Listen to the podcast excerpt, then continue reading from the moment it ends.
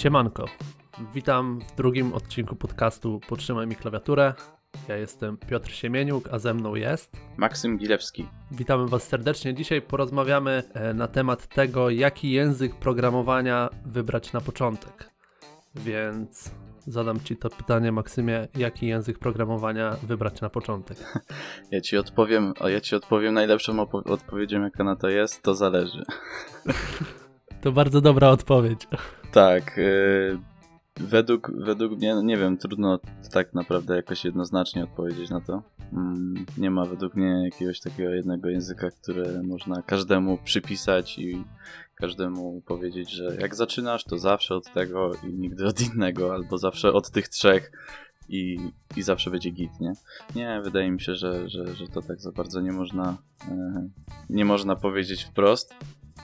Natomiast wydaje mi się, że, że są tam jakieś takie e, języki, tak jak już wspomnieliśmy na, na pierwszym odcinku, e, od których może można by było powiedzieć, że warto by zacząć z uwagi na to, że gdzieś tam są w miarę fajnie e, no, udokumentowane, w miarę dużo jest kursów z nich, jakichś tam, wiesz, warsztatów, webinarów, i tak dalej, i tak dalej, nie? Najlepiej, wiesz, jak, jak masz się na czym uczyć, no to ci się też lepiej uczy, więc trudno wybrać jakiegoś tam, wiesz, Kobola czy, czy Adę, no bo podejrzewam, że raczej trudno byś miał znaleźć jakieś obecnie w miarę rzetelne źródło informacji na temat tych języków. Nie, nie, wiem, nie wiem, co o tym sądzisz.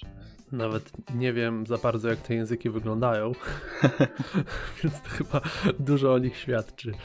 E, myślę, że bardzo dobrze to podsumowałeś. Jeżeli pierwszy, jako pierwszy język wybierzemy ten mocno popularny, to będziemy mieli łatwość w znajdowaniu informacji na dany, na dany temat, na dany język, źródła wiedzy, kursy i tym podobne. I będzie nam po prostu łatwiej, jak najbardziej się z tym zgadzam. Ale jaki, jaki wyznacznik powinien za nami przemawiać, jeżeli wybieramy język programowania. Czy to ma być to, jak dużo możemy na nim zarobić, e, czy to ma być to, co nam się w nim podoba, czy przyjemnie nam się w nim koduje, czy może to pod jakie platformy możemy tworzyć oprogramowanie w danym języku. Jak myślisz, e, którą w którą stronę ty byś poszedł przy, przy wyborze języka programowania? To znaczy tak, e, pewnie przy obecnym, e, że tak powiem, poziomie wiedzy na pewno troszkę inaczej bym wybrał, jeżeli mia miałbym się cofnąć i, i gdzieś tam wybierać pierwszy język, e, bo prawdę mówiąc, według mnie lepiej jest zacząć od języków takich nie super wysokopoziomowych, raczej takich średniopoziomowych, typu C++ czy tam C. I to głównie z uwagi na to, że mm, po prostu używając języki wiesz, rzędu tam Java, Python i, i tak dalej, które mają gdzieś tam biblioteki do wszystkiego, e, prawie, no to też w początkowych fazach programowania mm, możemy po prostu pominąć parę ważnych kwestii, bo no bo z uwagi na, na, na to, co nam język dostarcza, po prostu nie musimy się tym przejmować. A takie języki właśnie średniopoziomowe, nazwijmy to, nie wiem, czy taki, taki poziom w ogóle istnieje, e, ale, ale uznajmy, że właśnie C czy C++ są takimi językami, no to mm, tam musimy mieć, że tak powiem, trochę większy mm, e, no, no, głowę na karku, o może tak i nie wszystko, nie wszystko za nas zrobi gdzieś tam sam język i, i kompilator i same te rzeczy same te rzeczy typu właśnie jakieś tam destruktory, dbanie o, o pamięć i tak dalej bardziej leży po stronie użytkownika. I wydaje mi się, że że może na sam początek warto chociaż chwilę popracować z takimi językami, żeby mieć po prostu świadomość tego, e, że takie coś jest nie mamy jakichś tam, wiesz, garbage kolektorów e, czy czegoś takiego, co po prostu nie musimy się przejmować wieloma rzeczami. E, więc w sumie, w sumie taki, taki, taki tip na początek. Ja osobiście po prostu wiem, że, że nigdy w życiu gdzieś tam bym nie wybrał sam z siebie takiego języka. Bo raz, że jakieś tam zastosowanie jego mi nie pasowało, dwa, że składnia i ogólnie sam, sam, sam fan z nie był za duży.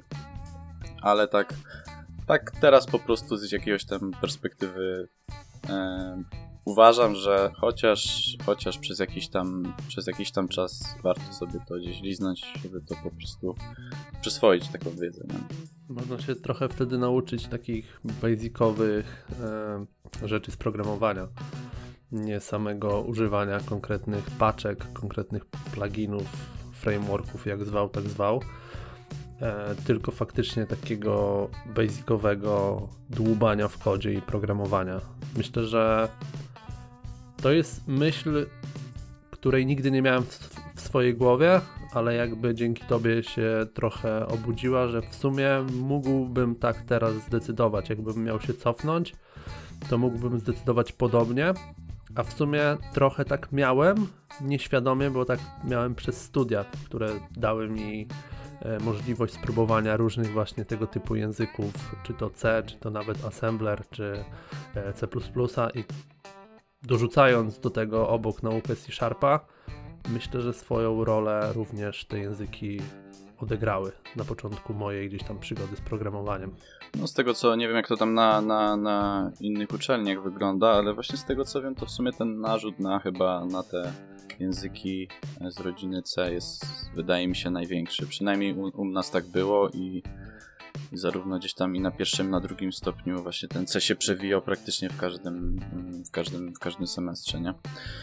Nikt go, nikt go za bardzo pamiętam wtedy nie lubił, ale to tak jak mówię, to, to musiało trochę czasu minąć, żeby, żeby gdzieś tam docenić jakieś jakieś rzeczy które, które jednak chcąc, nie chcąc, pracując z nim, wiesz, doświadczyłeś i gdzieś tam masz z tyłu głowy, nie? No a potem potem wiadomo, potem już przesiadając się na coś innego można tylko mówić, o fajnie, tutaj tego nie muszę robić, tutaj tego nie muszę robić i tak dalej, ale masz z tyłu głowy, że to się tam gdzieś dzieje, że to nie znikło, nie? Także, także według mnie to jest, to jest spoko. No, ogólnie wiesz, jeżeli chodzi o, e, o wybór języków, no to takie w sumie pytanko spontaniczne do ciebie. Wiesz mniej więcej ile, ile, ile mamy już obecnie języków? to wiadomo, to ta, ta liczba nie jest oficjalna i jest dość mm, rozrzucona w przedziale, bo się tam nie mogą zdecydować, ale, ale mnie to zaskoczyło, powiem ci szczerze, jak się jak tak przeczytałem, ile jest. Wiesz co, nie mam nie mam takiej wiedzy, e, nie przeglądam takich źródeł i gdzieś tam nie, nie czytam takich rzeczy, więc nie mam pojęcia, ale mogę, mogę strzelać. E, myślę, że może to być w przedziale od 7 tysięcy do 12. No, początkowy przedział ci się zgodził. nie, w sensie zamkłeś, ogólnie jest od między 700 a 9 tysięcy. Okej. Okay. Także dosyć szeroko, ale to głównie okay. chodzi o to, że niektórzy po prostu bo wiesz, jak weźmiesz na przykład takiego Reacta, nie? To React nie jest sam w sobie językiem. Tak jak Angular, jak na przykład jest jakby można powiedzieć, samodzielny, to React jest stricte biblioteką, nie? No i jedna osoba powie, że to jest y, już kolejny język, inna osoba powie, że to nie jest język i że my to wszystko liczymy jako JavaScript na przykład, nie? No, Angulara w sumie możemy policzyć jako TypeScript, bo a TypeScripta w sumie jako rozbudowę JavaScriptu, nie? I to Dokładnie. się tak właśnie, to się tak właśnie jedno za drugim ciągnie, dlatego ten rozrzut jest y, dość konkretny, no ale ale 700. No to, no. Czyli jest w czym wybierać, nie?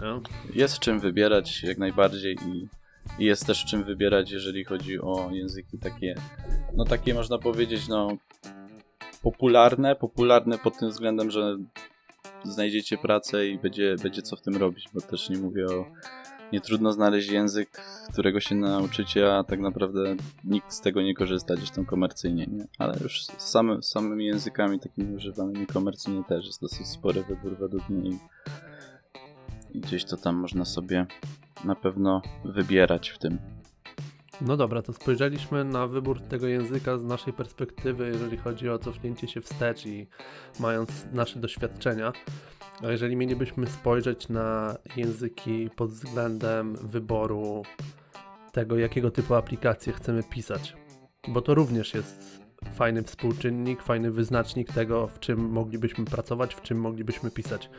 To tak jakbyśmy spojrzeli na przykład na aplikacje webowe, czyli, czyli strony internetowe i aplikacje webowe bardziej rozbudowane, e, to jaki język, na jakie języki ty byś spojrzał, jeżeli miałbyś kogoś, kto by teraz zaczynał i by mu się ta zagwozdka programowania właśnie podobała? Mówimy o webówce całościowej, nie? W sensie cał... Mówimy o webówce całościowej, tak. Mm, no to ja bym tak, wiesz, pierwsze, pierwsze bym e, poszedł w to, w czym ja robię i co jakby jest dla mnie, dla mnie spoko. Wydaje mi się, że też jest w miarę, w miarę gdzieś tam używane. No to po stronie, po stronie backendu, no to takie najpopularniejsze języki, no to masz albo, albo Java lub Kotlin, to w, w zależności co, co kto sobie tam wybierze. E, też gdzieś tam w, w C-Sharpie robią, mm, robią backend. Mm, w Node bodajże też można robić, chociaż ja, ja tam nie, nie miałem nigdy z tym e, wspólnego nic. E, w Pythonie, chociaż, chociaż Python to tam raczej jest taki tylko tam jeden chyba Django framework jest do, do gdzieś tam do frontu. E, Python gdzieś tam, gdzieś tam, gdzieś tam jest korzystany z tego co wiem, ale, ale nie jakiś taki mega popularny, jeżeli chodzi o, o webówkę. E, jeszcze co można? Jak, jak jest ktoś jakimś tam samobójczym człowiekiem, możesz. Czekaj, nie mów, masz na myśli PHP? Dobrze, zgadłeś, tak. Ale można, ale można, nie? Można PHP, można e, dosyć kiedyś bardziej chyba popularny język, teraz trochę mniej, e, mianowicie Ruby. Teraz wydaje mi się, że gdzieś tam bardziej do symulacji i tak dalej używany niż, niż do robienia jakichś tam serwisów e, backendowych. Mm, nie wiem, ja, ja ze swojej strony pewnie poleciłbym ogólnie języki JVM'a. Ewentualnie właśnie jak ktoś nie lubi, no to, no to właśnie jakiś tam .NET i tak dalej. Nie? A ja za to nie. ja Ty... za to zupełnie co innego. Jeżeli chodzi o backend, tak? Tak, jeżeli chodzi to o... To omówmy, omówmy sobie ten backend na razie, będziemy tak skakać po kolei po tych... Przy okazji omówimy właśnie jakieś tam e, poszczególne elementy webówki, nie? Bo to też webówka czasami jest źle kojarzona, że to tylko frontend jest. Tak.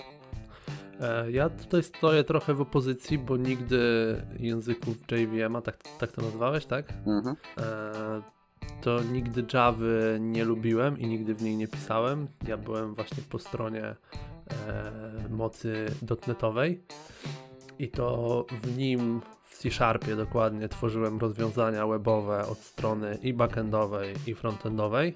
Jeżeli mówimy na przykład o e, .NET MVC, czyli rozwiązaniu Model View Controller, e, no to tutaj mamy i frontend i backend pisane w C-Sharpie ale przeszedłem na jeszcze inną stronę mocy już ponad dwa lata temu e, i zacząłem pisać backend w Node. I ten backend w Node muszę Ci powiedzieć, że jest dosyć przyjemny.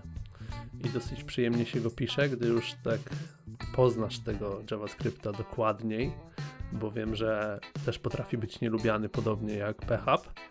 E, no to jest to bardzo przyjemne pisanie podobnie, w tym samym języku możesz wtedy pisać i backend, i frontend, więc to jest dodatkowo jakby nauka i ekspertyzowanie się w jednym języku, gdy jesteś full stackiem, jest to po prostu przyjemne. No, to jest, to jest racja. O ile, o ile ktoś lubi, o ile ktoś lubi takiego JavaScripta, JavaScripta, bo na przykład jak gdyby mi przyszło pisać Angulara w JavaScriptie, no to, no to nie tak. Jednak ten, ten, ten TypeScript to jest jednak y, nie wiem, dla mnie to jest całkiem inna bajka.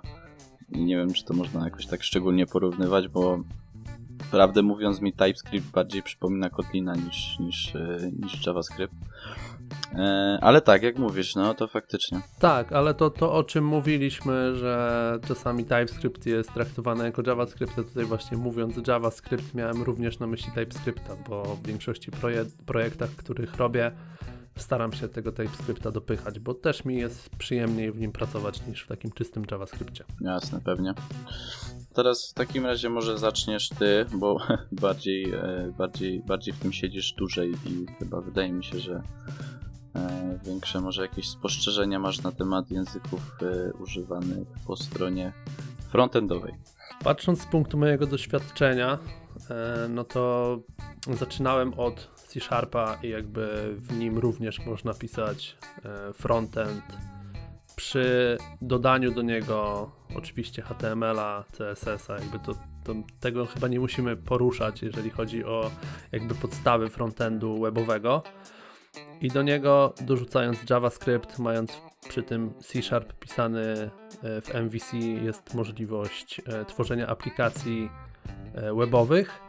Dodatkowo mamy JavaScript, o którym już wspomnieliśmy.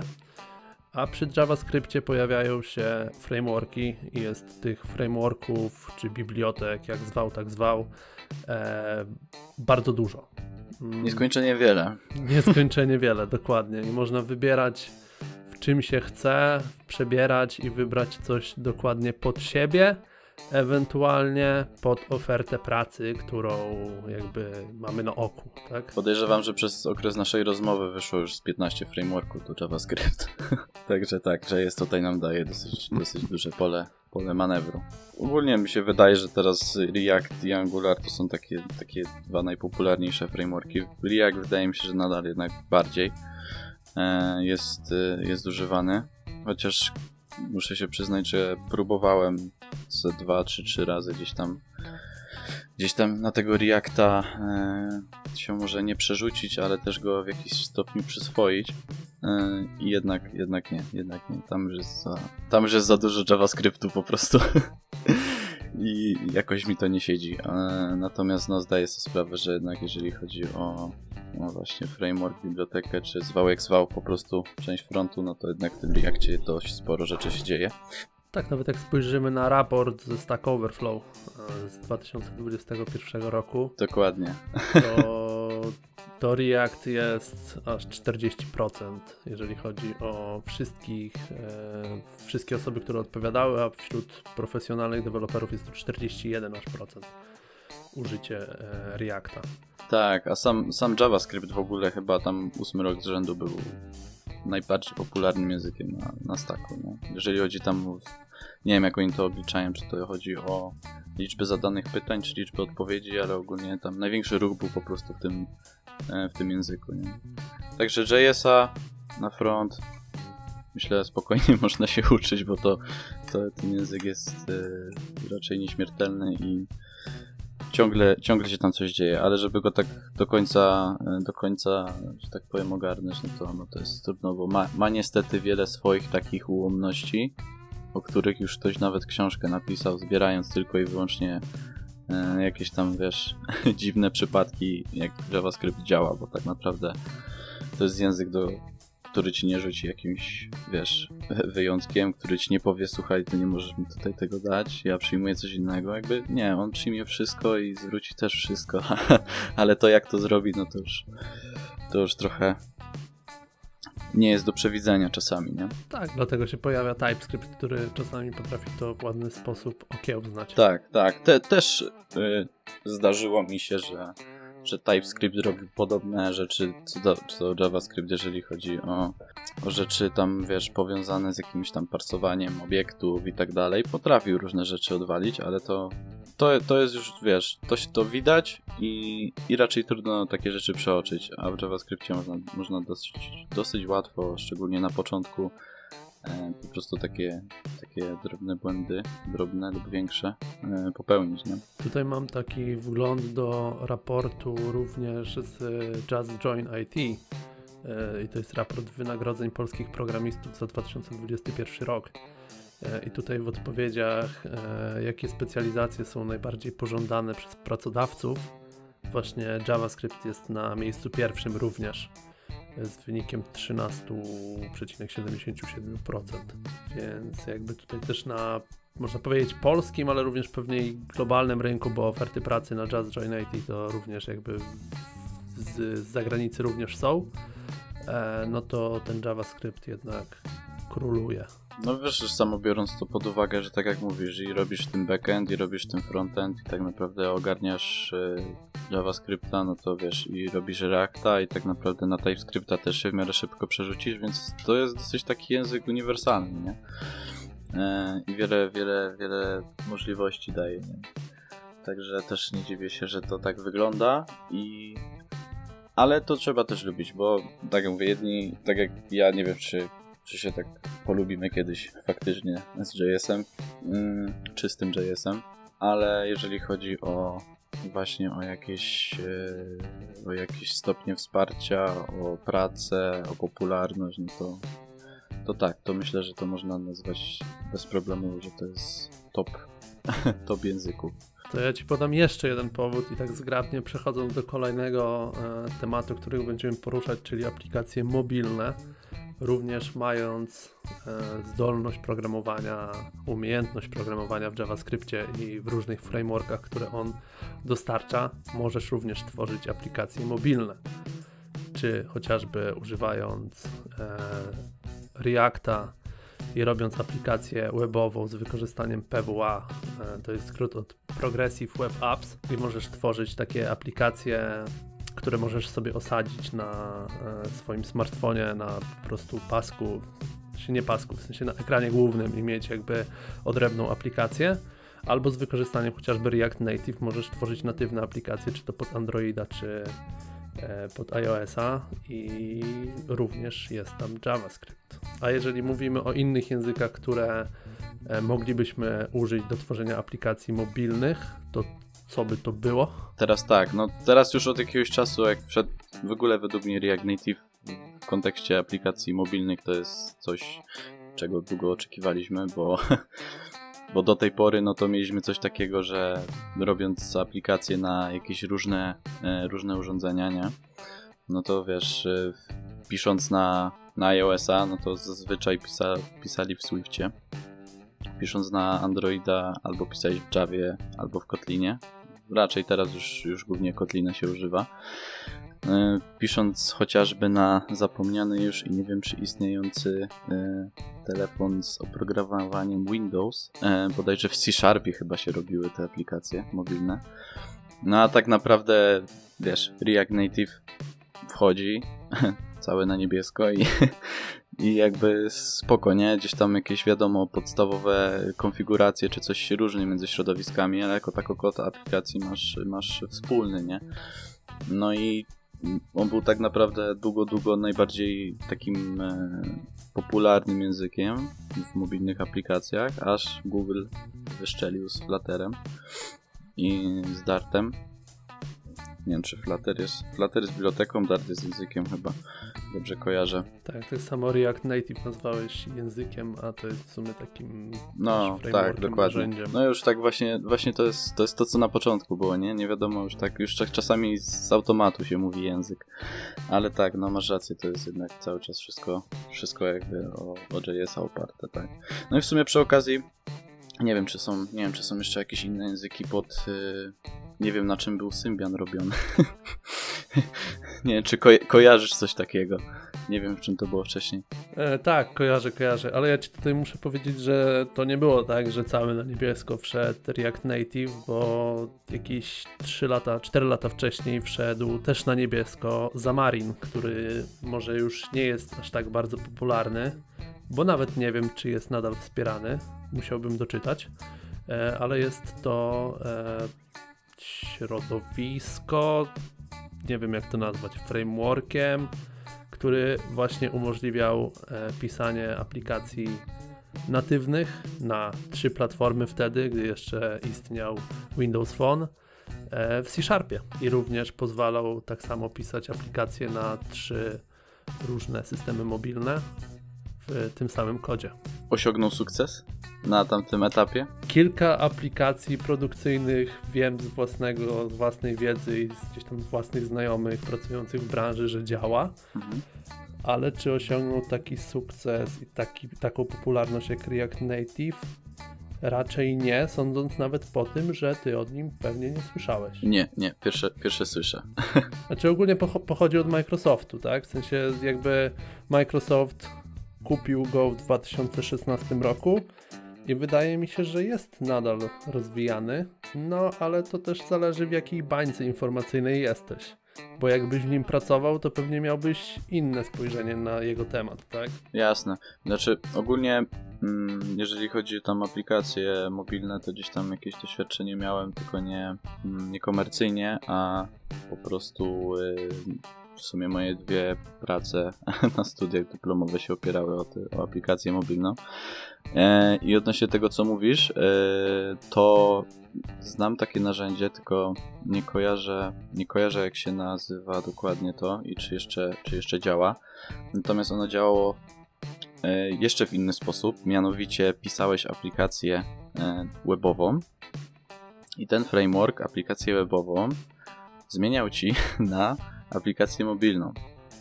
To chyba działało tylko pod e, Androida. Nie wiem, czy pod iOS-a też. Podejrzewam, że nie. Eee, I podejrzewam też, że to działało na takiej zasadzie jak e, mm, takie wstępne PWA, nie? Bo PWA tak naprawdę nie robi za wiele więcej, jak po prostu gdzieś tam ci odpala, wiesz, mobilną wersję aplikacji mm, z takim, że tak powiem, jakby to powiedzieć, odczuciem, że to jest aplikacja, a tak naprawdę to jest gdzieś tam WebView, nie? E, ładowane. I chyba to działało na tej samej zasadzie i wiem, że ktoś tam, ktoś tam e, robił, taką, robił taką aplikację mobilną gdzieś dopiero pod koniec e, pod koniec semestru, jak się wszystko skończyło, przyznał, że to tak naprawdę była zwykła webówka zrobiona i gdzieś tam na tym frameworku po prostu wrzucona w telefon. Gdzieś tam, gdzieś tam nawet parę, parę większych firm z tego korzystało. Tylko tak mówię, nie mogę sobie przypomnieć teraz nazwy dokładnie tego, jak to się nazywało, ale też właśnie w tą stronę. Ja wiem o czym mówisz, ale też totalnie nie pamiętam tego nazwy. Wydaje mi się, że na F się nazywało, ale, ale dokładnie nie, no bo to już parę lat temu było i ale też właśnie, właśnie chciałem wspomnieć, że też w tą stronę, w drugą jakby działało takie, takie przeróbki. Myślałem, że to się nazywa Cortana, ale to nie jest to, bo Cortana to była taka Siri na... Pośledzona Siri na, Windows, tak. na Windowsie, tak. To to nie jest to. Coś mi się z tym skojarzyło, ale jednak to nie jest ta nazwa. Znaczy wiesz co, bo Apache miało coś takiego, co się nazywało podobnie. Eee, Cordowa bodajże chyba. Cordowa. Tak, i chyba to, chyba to działało też yy, tak. No. Cordowa Mobile Apps with HTML, CSS and JS. To, o, o to mi chodziło. A tobie jeszcze w ogóle o coś innego. Tak, mi jeszcze o coś innego. To też raczej nie odniosło super sukcesu, skoro nawet nie wiemy, jak to się nazywa.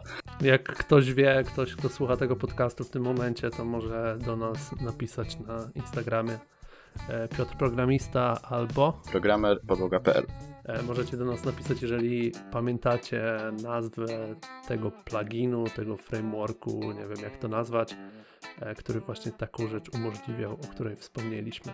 Mam parę pytań do Ciebie, Piotrek. Już się boję. Nie, wie, nie wiem, które wybrać, ale e, przy, jako, że przy webówce nie ruszyliśmy jednego tematu, jednej, jednej sekcji ważnej aplikacji, a można by było do tego przejść, bo jeszcze z tego segmentu nie ruszaliśmy żadnego tematu, to ja bym miał do ciebie pytanie. Eee, czy wymieniłbyś cztery i teraz tak, rodzaje slash typy slash silniki slash implementacje, bo, bo nie ma chyba jakiegoś takiego uniwersalnego słowa na to. Eee, baz danych. Okej, okay. nie wiem czy o to ci dokładnie chodzi, ale wymienię to, co mi przychodzi do głowy na sam początek. Mm, no to to jest MySQL, to jest MSSQL, to będzie również e, Postgres e, i na przykład Mongo. Tak, dokładnie, dokładnie o to mi chodziło.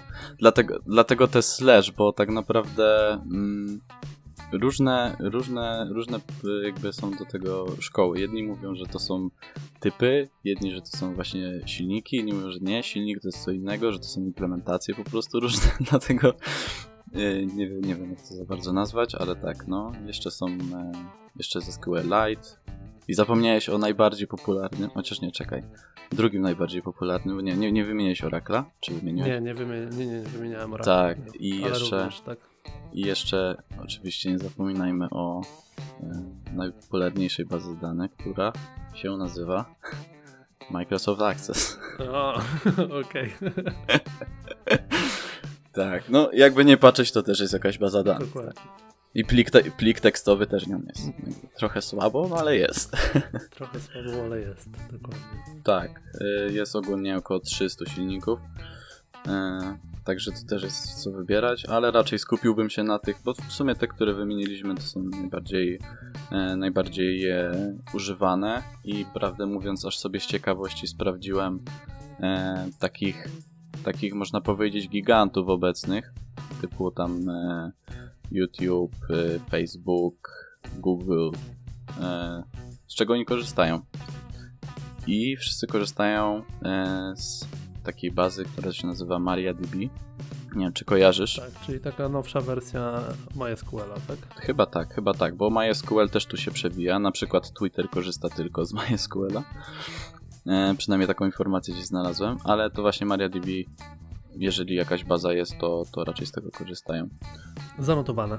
To może przejdźmy do tego, jak się przedstawiają zarobki konkretnych językach programowania i co możemy, czego możemy się uczyć, w którą stronę możemy pójść, jeżeli chcemy dobrze zarabiać. Czy tak e, szczerze powiem, nie śledziłem jakoś ostatnio tych stawek, jednak wydaje mi się, przynajmniej tak jak gdzieś się tam, jak ja jakiś czas temu już orientowałem, to wydaje mi się, że jeżeli weźmiemy, załóżmy mm, jakiegoś frontendowca, na, i weźmiemy na przykład kogoś, kto ma, wiesz, załóżmy reaktowca, angularowca, javascriptowca typowego, z takim samym doświadczeniem, można powiedzieć w takim samym zakresie wiedzy z danej dziedziny, nie?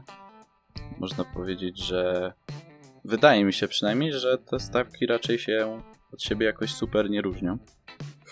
E, w obrębie, tak jak mówię, w obrębie e, tego samego tego samego, tej samej dziedziny, nie? Czyli na przykład front, backend, bazy, to jeżeli chodzi już o jakby język sam, oczywiście nie mówię o takich e, skrajnych przypadkach, bo ostatnio widziałem, że jest zapotrzebowanie na programistę w Kobolu e, za 50k, bo po prostu nikt tego nie ogarnia i nikt tego się nie uczy. Ale mówię o takich, można powiedzieć, e, standardowych technologiach. Wydaje mi się, że nie ma jakiejś super przebitki e, względem samego języka, ale może masz na to jakieś, jakieś dokładniejsze dane, to chętnie posłucham. Patrząc po raporcie, również tam się będę sugerował tym raportem z Just Join IT, e, to tak jak powiedziałeś, jest bardzo podobnie, e, przeskakując sobie między różnymi językami, różnymi gdzieś tam, jakby to powiedzieć, stanowiskami, bo tutaj również jest poruszany DevOps czy UX designer, e, no to te zarobki są bardzo podobne.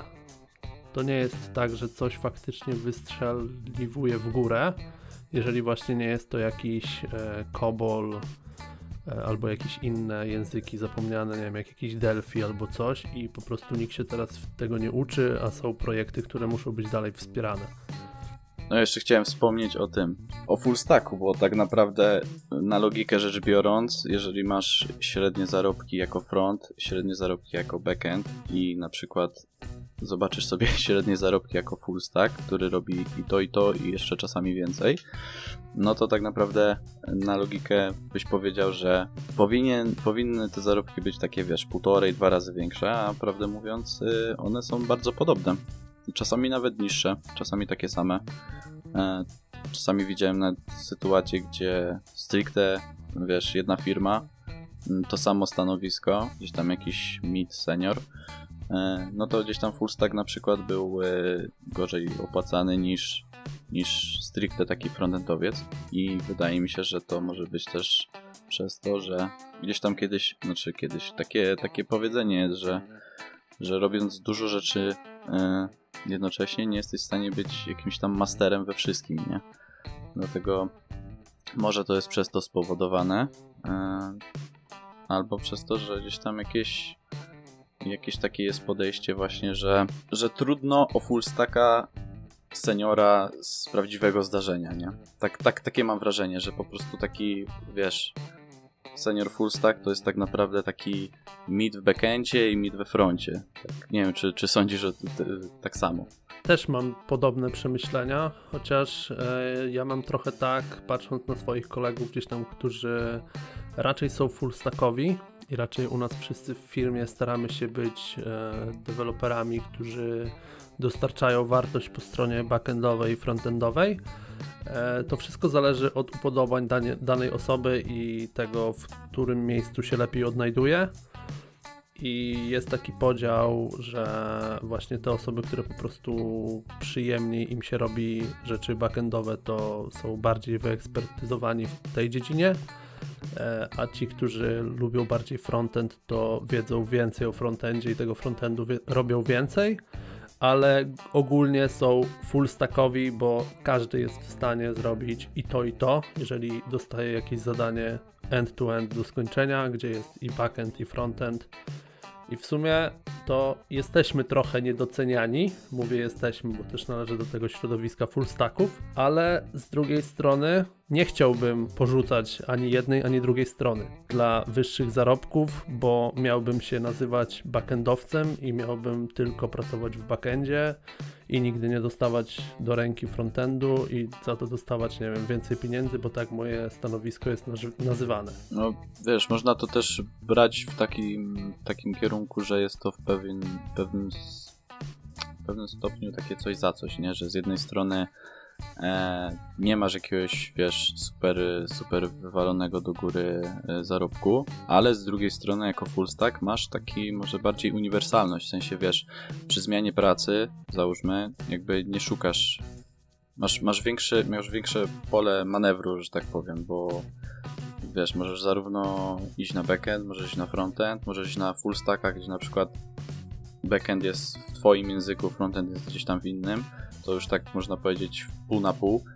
E, może, może to jest tym spowodowane, nie wiem, ale no jest, jest zdecydowanie gdzieś tam jakieś flexibility takiego full stacka większe, jeżeli chodzi gdzieś o, ewentualnie, o ewentualną zmianę i dostosowywanie się może do, e, do nowych języków, bo wydaje mi się, że jeżeli ktoś ma ogarnięty i front i backend, no to jak gdzieś tam na front jakiś wrzucą inny język, e, który i tak w 90% będzie się opierał wiadomo jaki, no to gdzieś się, no to gdzieś się tam dostosuje i tak samo raczej, raczej, raczej w backendzie, nie? No bo mm, wydaje mi się, że to ogólnie już jest tak raczej uniwersalnie, że jeżeli ktoś już jakieś, jakieś doświadczenie ma w języku, to raczej zmiana, zmiana języka nawet na całkowicie coś innego, bo tam nie mówię, że tam ktoś, nie wiem, z Java przechodzi na Kotlina, czy z C-Sharpa na Kotlina, bo to też, no, ogólnie na JVM'a, ale nie wiem, typu zmiana z, tam z Java na Pythona, co według mnie jest całkowicie,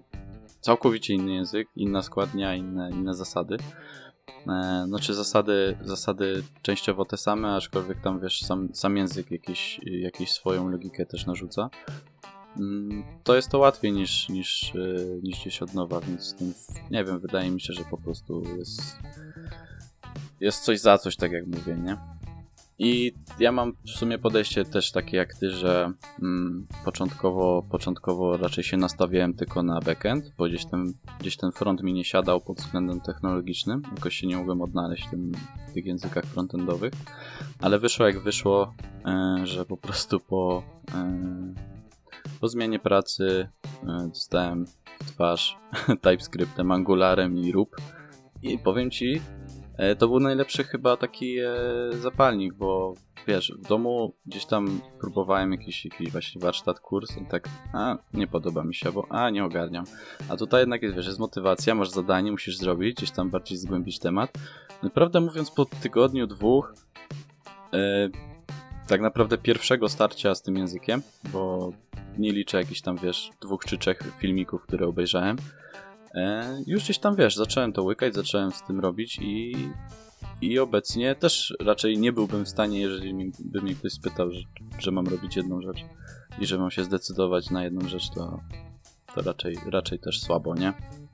Raczej też słabo i wydaje mi się, że to jest nawet takie do samej, do samej wydajności pracy spoko, jeżeli nie robisz cały czas w jednym, tylko gdzieś się tam przerzucasz, stymulujesz głowę co chwilę jakimiś nowymi rzeczami e, skaczesz między językami, no to nawet to jest chyba, chyba na plus, jeżeli chodzi o, o język, nie?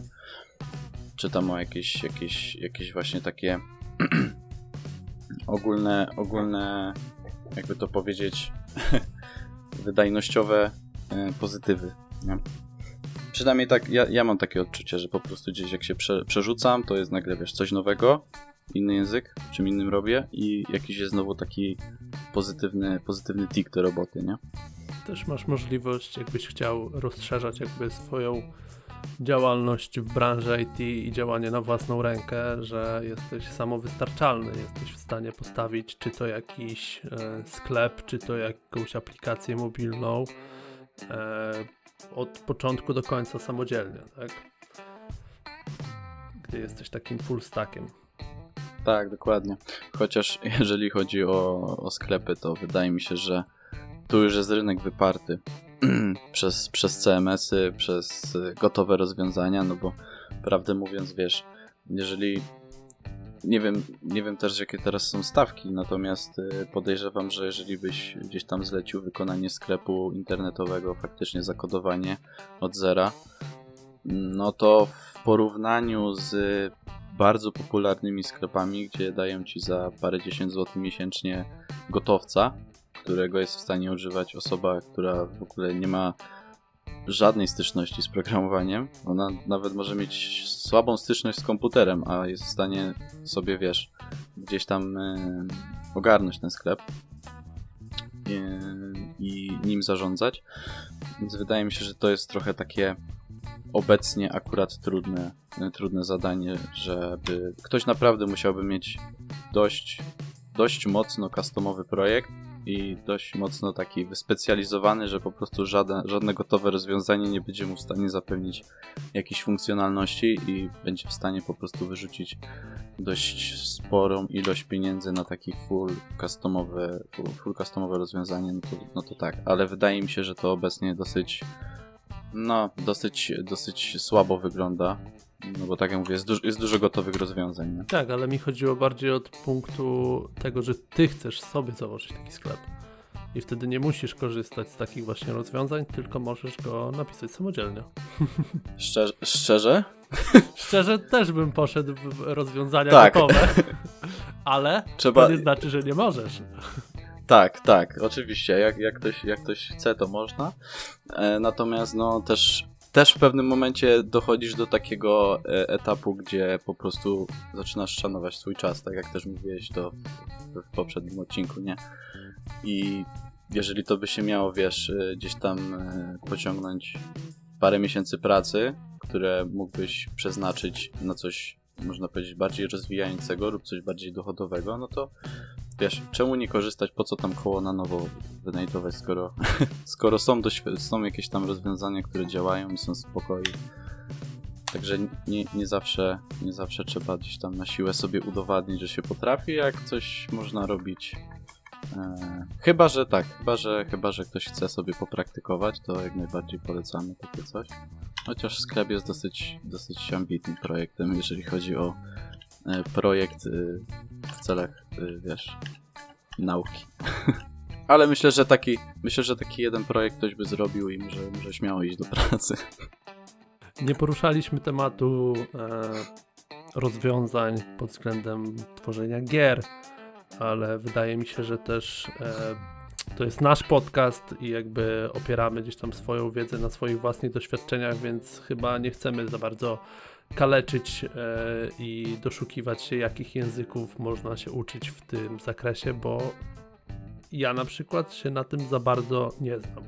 Jak jest u ciebie? Czy moja, moje doświadczenie z grami opiera się na jednym mm, półrocznym projekcie ze studiów, który był w Unity robiony, znaczy na silniku Unity, ale był jako tako cały, cały, cały gdzieś tam zakodowany w C-Sharpie. I z tego co wiem, to w e, Unity domyślnie jest tak, że właśnie możesz skrypty albo w C Sharpie, albo w JavaScriptie bodajże pisać. Natomiast jeżeli chodzi o całą resztę, wiem, że gdzieś wiesz, że w C można gry pisać, e, ale to jest koniec mojej wiedzy. Ale jak, gdzie, co, to... To, to, to nie, to, to nie powiem. No, wiesz, w Javie też można. W Javie też można. Minecraft jest tego dobrym przykładem, że można, można zrobić nawet wydajną grę, bo jeżeli chodzi o, o to same rendery tam, no to jest jednak dość, dość e, duża skala. Ale jeżeli chodzi o coś, żebym mógł polecić, czy wiesz, coś więcej o tym pogadać, no to też, też tak jak mówisz, nie, nie chcę się za bardzo w to wgłębiać, bo, bo za małe mam w tym doświadczenie i nie, ten temat mnie całkowicie nie, nie pochłonął, wręcz troszkę podirytował, jak musiałem to robić, e, ale myślę, że, że jest do tego e, odpowiednia osoba, żeby się, żeby się wypowiadać na temat tworzenia gier. Ja myślę, że jest wiele osób e, gdzieś tam na naszym polskim polskiej branży IT i w polskim social media związanym z IT, żeby się na ten temat wypowiedzieć. E, więc myślę, że możemy odesłać do kilku z nich, na przykład chociażby do Jessie, która robi content o grach, e, którą znajdziecie pod e, nazwą Game Devowa Pani albo Game Dev Lady na Instagramie. Jest również programistka gier. Masz kogoś również do polecenia? Jeżeli chodzi o kontekst gier, to właśnie te dwie osoby, które chciałem ująć, to właśnie, właśnie były wspomniane. Ogólnie jeszcze tak na szybko powiem, jeżeli chodzi o sam e, ten sam odłam game devu, to wydaje mi się, że to by był spoko, spoko temat, żeby go poruszyć w osobnym odcinku, bo i z, i z doświadczenia, i gdzieś tam nawet z, z, z, kręgu ludzi, którzy, którzy się tym zajmują, wiem, że to jest taki to jest taki odłam, o którym za bardzo nie wiem, dużo się nie wie, jak to wygląda, jak wiesz, jak te prace wyglądają i jak w ogóle cała e, społeczność game devu się gdzieś tam, wiesz, istnieje. Także nie, mi się wydaje, że to by był ogólnie spoko temat gdzieś tam na przyszły, na przyszły odcinek, e, ale już z kompetentną osobą, żeby się w tym temacie wypowiadać. Podsumowując, całe podsumowanie naszej wypowiedzi można e, zamknąć jednym zdaniem. To zależy, czyli tym, które zaczęliśmy na samym początku, bo tak naprawdę to jaki język wybrać do nauki, w jakim języku się ekspertyzować, specjalizować, to zależy tak naprawdę od danej osoby i my też nie chcieliśmy tutaj mówić, że bierzcie to, uczcie się tego, pracujcie w tym, bo to tak nie wygląda. Dokładnie. Nie, nie, ma, nie, ma, nie ma uniwersalnego rozwiązania i są jakieś tam uniwersalne ścieżki na początek e, nauki, natomiast to, co już potem wybierzecie, to tak naprawdę najlepiej, najlepiej sobie gdzieś tam próbować lub ewentualnie obrać sobie jakąś ścieżkę, którą wydaje wam się, że jest, że, że może być dla was interesująca i po prostu z tej ścieżki jakiś tam język e, jakiś tam język testować i sprawdzać się, jak to, jak to wygląda w praktyce, czy faktycznie wam się to podoba, czy nie, ale tak jak Piotrek powiedział, niestety odpowiedzi na to jednoznacznej nie ma. W takim razie żegnamy się z Wami. Do usłyszenia w następnym odcinku podcastu. Potrzymaj mi klawiaturę. Na razie. Cześć.